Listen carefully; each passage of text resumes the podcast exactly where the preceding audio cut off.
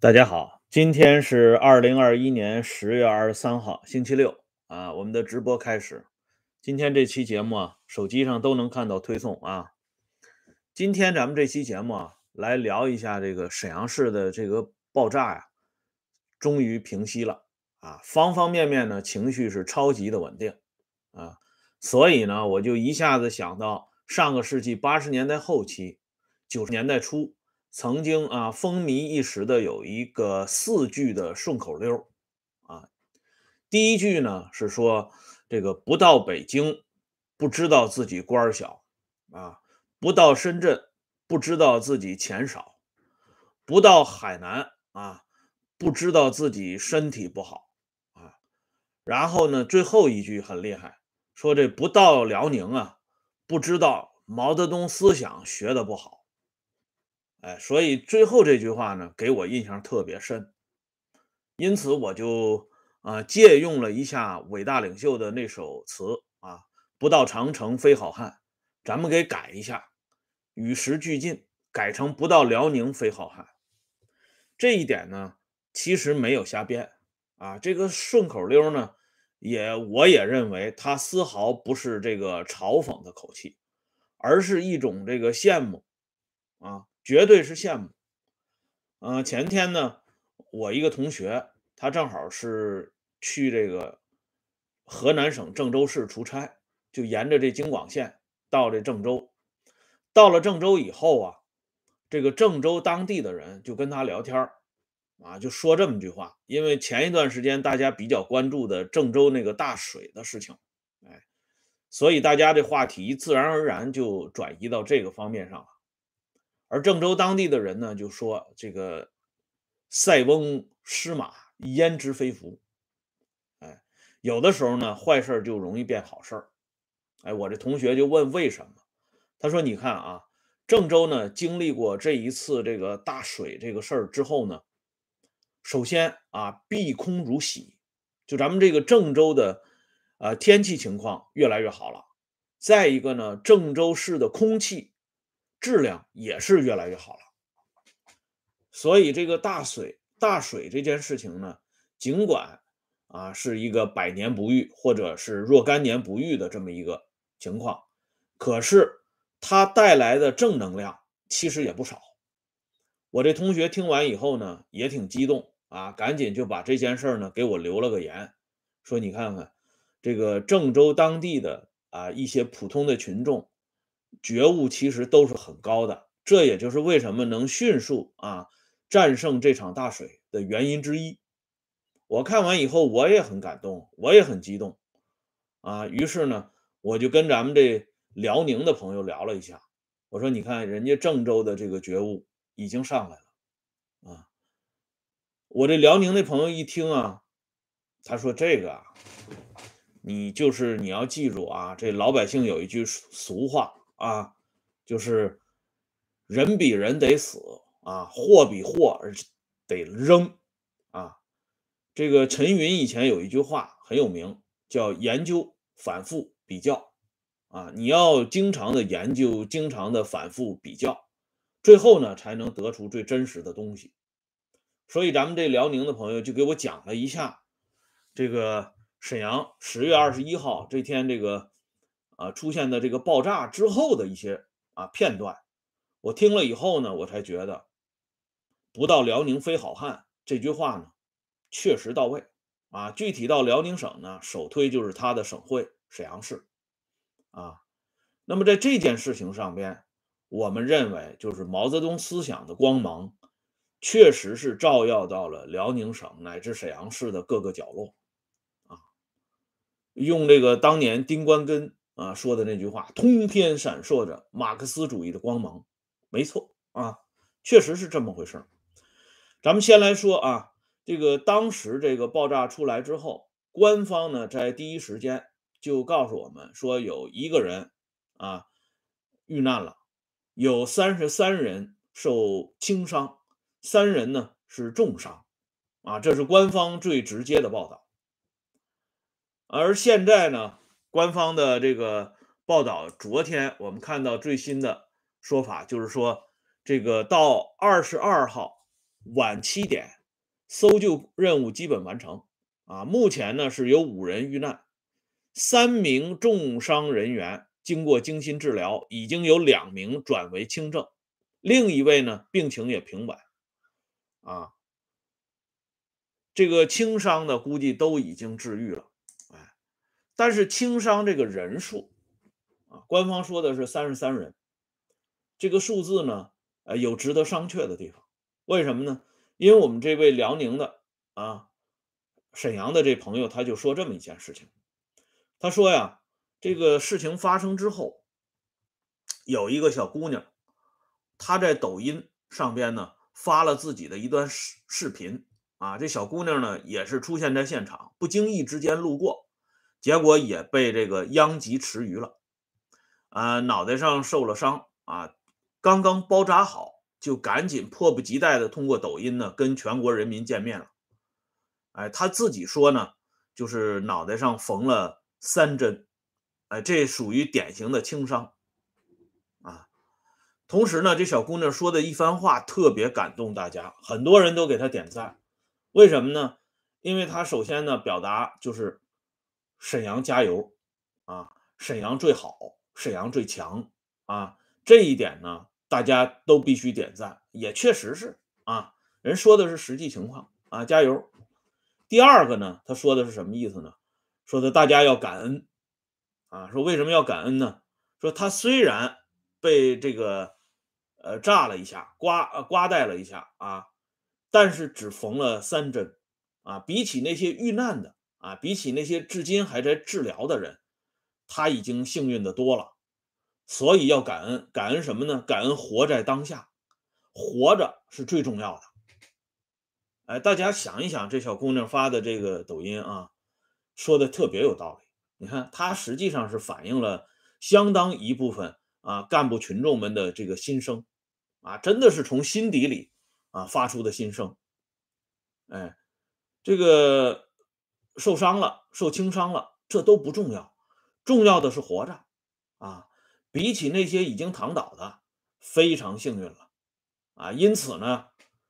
这个咱们看一下，这名轻伤员应该是不在这三十三名的啊轻伤这个序列当中啊，这是一个。再一个呢，啊，就是采访一个他这个和平区太原南街南七马路啊当地的一个住户，他们家呢也是因为这个爆炸的原因啊被波及到了。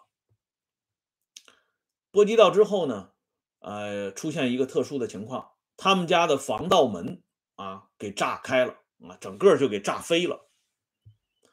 但是采访这个居民的时候，这个居民呢说了一句感人至深的话啊，就说这个沈阳当地的这个老百姓这个思想觉悟确实是了不起啊。他说了以后啊，就来访者都已经动容了，就没想到哈，老人家在这个。这么寒冷的这个季节里，能说出这么一句暖人心的话，啊，现场气氛非常浓烈。呃，老同志说什么呢？老同志说：“你看啊，这么大的爆炸啊，突如其来，完全出乎大家的意料。但是呢，只是把我的防盗门给炸飞了。这说明什么呢？说明防盗门的质量非常好。我们家里这些人呢，完好无损，毫发未伤。”啊所以咱们这个城市的安全是有保障的。这话呢说完以后是掷地有声啊，现场的人呢都是怒赞的啊。什么叫怒赞？就是疯狂的点赞，说的太好了啊。这是第二个例子。那么再看第三个例子，这个南七马路呢啊，就是穿梭在南七马路上边呢啊，有一个这个公交车叫一百四十一路啊。一百四十一路的公交车呢，在那天呢被波及到了，因为那天早晨呢是八点二十啊。我刚才举的这两个一老一小呢都是个案啊，咱们现在来看看这个更多一点的这个沈城人民是怎么反映这场爆炸案的。这个一百四十一路公交车这件事情，啊，就非常能够说明问题。当时有一辆这个一百四十一路公交车呢，由于它是早晨八点多嘛，正是上班的时间，它这个人呢就特别的多啊，特别拥挤。呃，由于它这个公交车啊，不知道是这个时间的因素啊，还是其他什么因素啊，呃，很快呢，又有一辆一百四十一路公交车就跟上来了，啊，可能是这发车呢，啊，这个中间是不是因为交通的原因啊，两辆车离得特别近，呃，前面的这辆车呢，就是一百四十一路人特别多，后边这这辆呢，一百四十一路人就比较少了，结果这个爆炸之后呢。前边啊，前面人特别多的这辆一百四十一路公交车呢，非常幸运啊，它没有被这个刮蹭到，反而是后边人特别少的这辆一百四十一路公交车呢，被殃及了啊！大家看这个现场的视频也能看到，就是有一辆公交车也被炸到了，说的就是后边人少的这个一百四十一路公交车。所以前面的这辆一百四十一路公交车上的这些乘客们也纷纷点赞啊！他们说：“你看，太幸运了，我们人这么多，如果一旦被这个爆炸给波及了，这个伤亡面就会特别的大，对咱们沈阳市，对咱们辽宁省啊，呃，就都是一个非常沉重的包袱。但是很幸运啊，他炸的是后边那个人少的，所以呢，这个影响面。”也自然而然的就降低了，啊，就是说，直到这个时候，老百姓心目当中想的不完全是个人的安危，想的是这座城市和这个啊英雄的省份在全国人民心目中的地位和分量。所以大家看一下这个一百四十一路的公交车上面的乘客，他们的思想觉悟那也是相当之高的啊。从一老一小啊，再到这个呃公交车上的乘客，我们逐渐就能够看到了啊。那么接下来呢，这个在爆炸之后呢，有相当一部分沈城的老百姓呢，这个互相这个啊这个聊这件事情的时候，大家有一个统一的认识，就是说这个时间点万幸，早晨八点二十，十月二十一号早晨八点二十。为什么说这时间点万幸呢？因为它是星期四，它不是星期六，也不是星期天。如果是星期六、星期天，大家呢多数人都在家，而且在这个街上呢逛街的人又特别多。如果在这个时候啊发生爆炸了，那么是不是死亡人数就更多了，影响就更恶劣了？啊，哎，大家一听这个见解非常高明。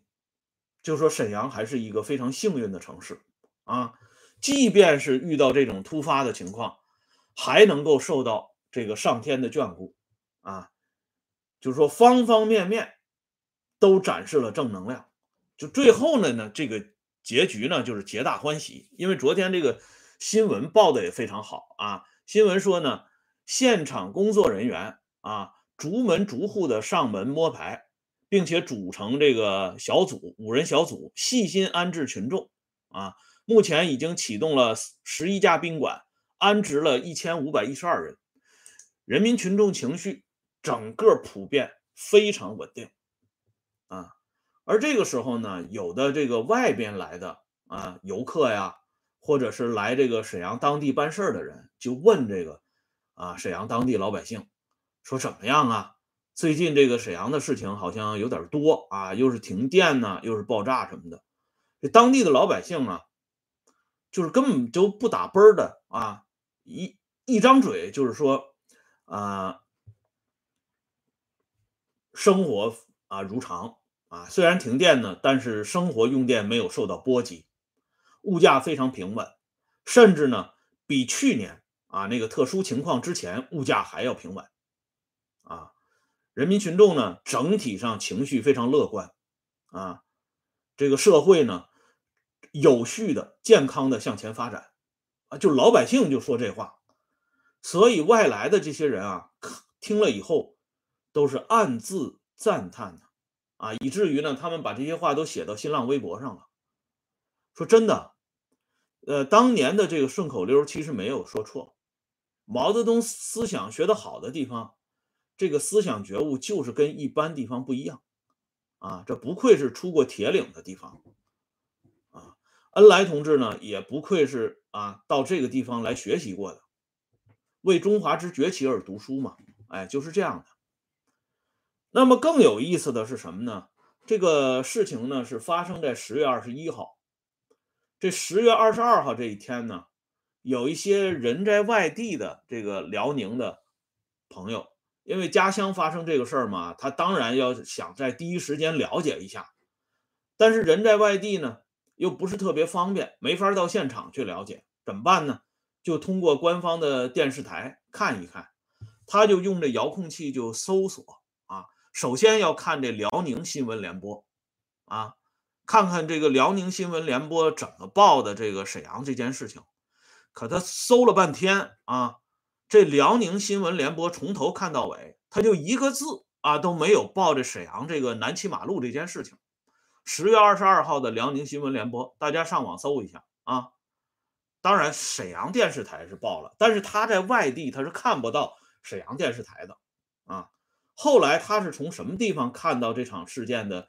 一部分这个内容呢，是从这个上海的东方台啊，所以他说奇了怪了啊，这辽宁台没报，这上海东方台倒是报了。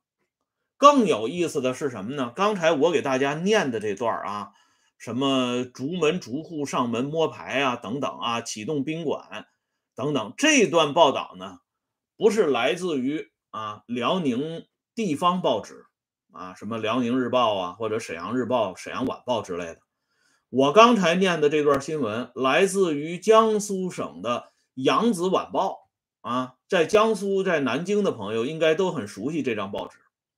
哎，这大概呢跟这个新民晚报是一个量级的。所以这么一看呢，辽宁的事情江苏最惦记啊。东方台报了一下，上海虽然是直辖市，但它也在江苏省境内，对吧？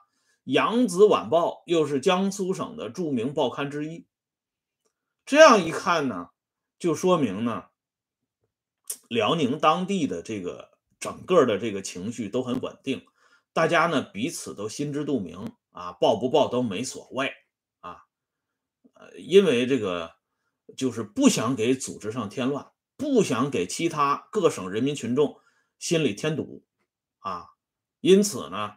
这个辽宁地方台不报也都是正常。刚才有个朋友不是说吗？别瞎抄信啊，好的很，这就对了啊。这话说的非常到位。由此我就感到有一点遗憾啊。什么遗憾呢？就是在这个沈阳这个突发事件出来之后，我们都知道有一位钢琴家不幸不幸的落马了啊，很可惜。啊，他干的这个事儿呢，到今天呢，沸沸扬扬的还在传，啊，什么音乐家协会啊，等等啊，官方的组织上也都出面了。这老李这件事儿啊，我觉得有点不光是可惜，有点白瞎啊。这么重要的一个新闻，原本是，呃，说实话啊，是想缓解一下大家因为这个沈阳这个突发事件的。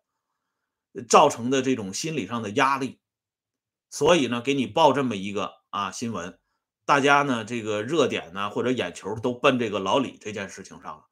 但是现在一看呢，人家这个沈阳地区呢，乃至整个辽宁省地区，他这种自愈能力非常强啊，他不需要这个大家这个啊那么多的关注啊，那么多的抚慰，就像毛泽东同志说的那样。啊，他早年写的那篇著名的文章里不说吗？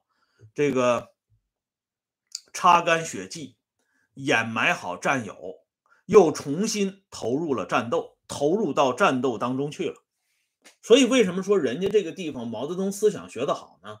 就是伟大领袖的每一篇光辉的篇章都牢记在心头，付诸在行动中。所以，老李这颗子弹明显是白瞎了，太可惜了。还不如留着下一次啊！其他什么地方出了问题，再把它给顶上去，啊，所以这个枪眼呢堵的有点可惜，而且堵的可惜是一方面，他而且还有一些杂音啊。昨天我关注了一下，这个老李因为是重庆人啊，所以这重庆当地呢有一个叫大渡口区的音乐家协会的负责人啊，这位老先生呢发表一番言论，因为他跟老李认识很久啊，老李在一九九一年九岁的时候。这报名呢，参加这个重庆当地的一个手风琴比赛的时候，就跟这位协会的主席就认识了，而且经过这个协会主席的点拨呢，老李他们家从此决定培养老李去义无反顾的学钢琴，从此就走上了钢琴家之路啊。所以这个昨天呢，这位音乐家协会主席他就发出感慨了，因为老李这件事情呢，哎，他就讲了一句话。他说这句话让我关注到了。他说，一个钢琴家是用无数人的这个力量和大师的指点以及多方面的支持才能获得成功的，这是一百个奥运冠军也比不了的。这句话啊，我听完以后呢，我就感到挺震惊的啊，因为他说这个比喻啊，刚才我们不说比较吗？这陈云不讲比较，反复比较研究吗？他拿一个钢琴家跟一百个奥运冠军比较，这个我脑袋当时就嗡一下，因为咱们知道啊，这个今年不是刚开这个啊奥运会，中国这次这个排名很厉害嘛啊，这个我还得现搜一下，看咱们中国拿了多少块金牌哦，好像是拿了三十八块金牌啊，世界第二，那就是说三十八个冠军。他这一百个冠军啊，奥运冠军就是一百个金牌，就一百个金牌都顶不上一个钢琴家，合着咱们今年这奥运会算是白闹了啊！得三次这种啊三十八块金牌的才能压过一个钢琴家，所以他说的这番话容易引发歧义啊，就是大家想这奥运会这冠军到底是怎么来的？他这个含金量怎么都赶不上这钢琴家呢？哎，所以啊。这老李这子弹呢，他不仅白瞎了，他还容易引起一些乱七八糟的议论。因此啊，我们看一下啊，这件事多多少少有点划不来。哎，最后呢，我就想重复一下鲁迅先生当年说过的一句话，他是写在《南腔北调集》里边说的一句话啊。他的原话是这么说的，我给大家打上来啊，大家看一眼，我再给大家念一下。这样的话呢，印象就会比较深一点。鲁迅说呀：“做奴隶虽然不幸，但并不可怕，因为知道挣扎，毕竟还有挣脱的希望。若是从奴隶生活中寻出美来，赞叹陶醉，就是万劫不复的奴才了。”哎，这是鲁迅的一番话，希望呢与大家共勉。哎，好了，今天咱们这话题呢就聊到这里。感谢朋友们上来打赏支持、点赞、收看和收听，欢迎大家关注“温相说时政”会员频道，经常有更新。再见。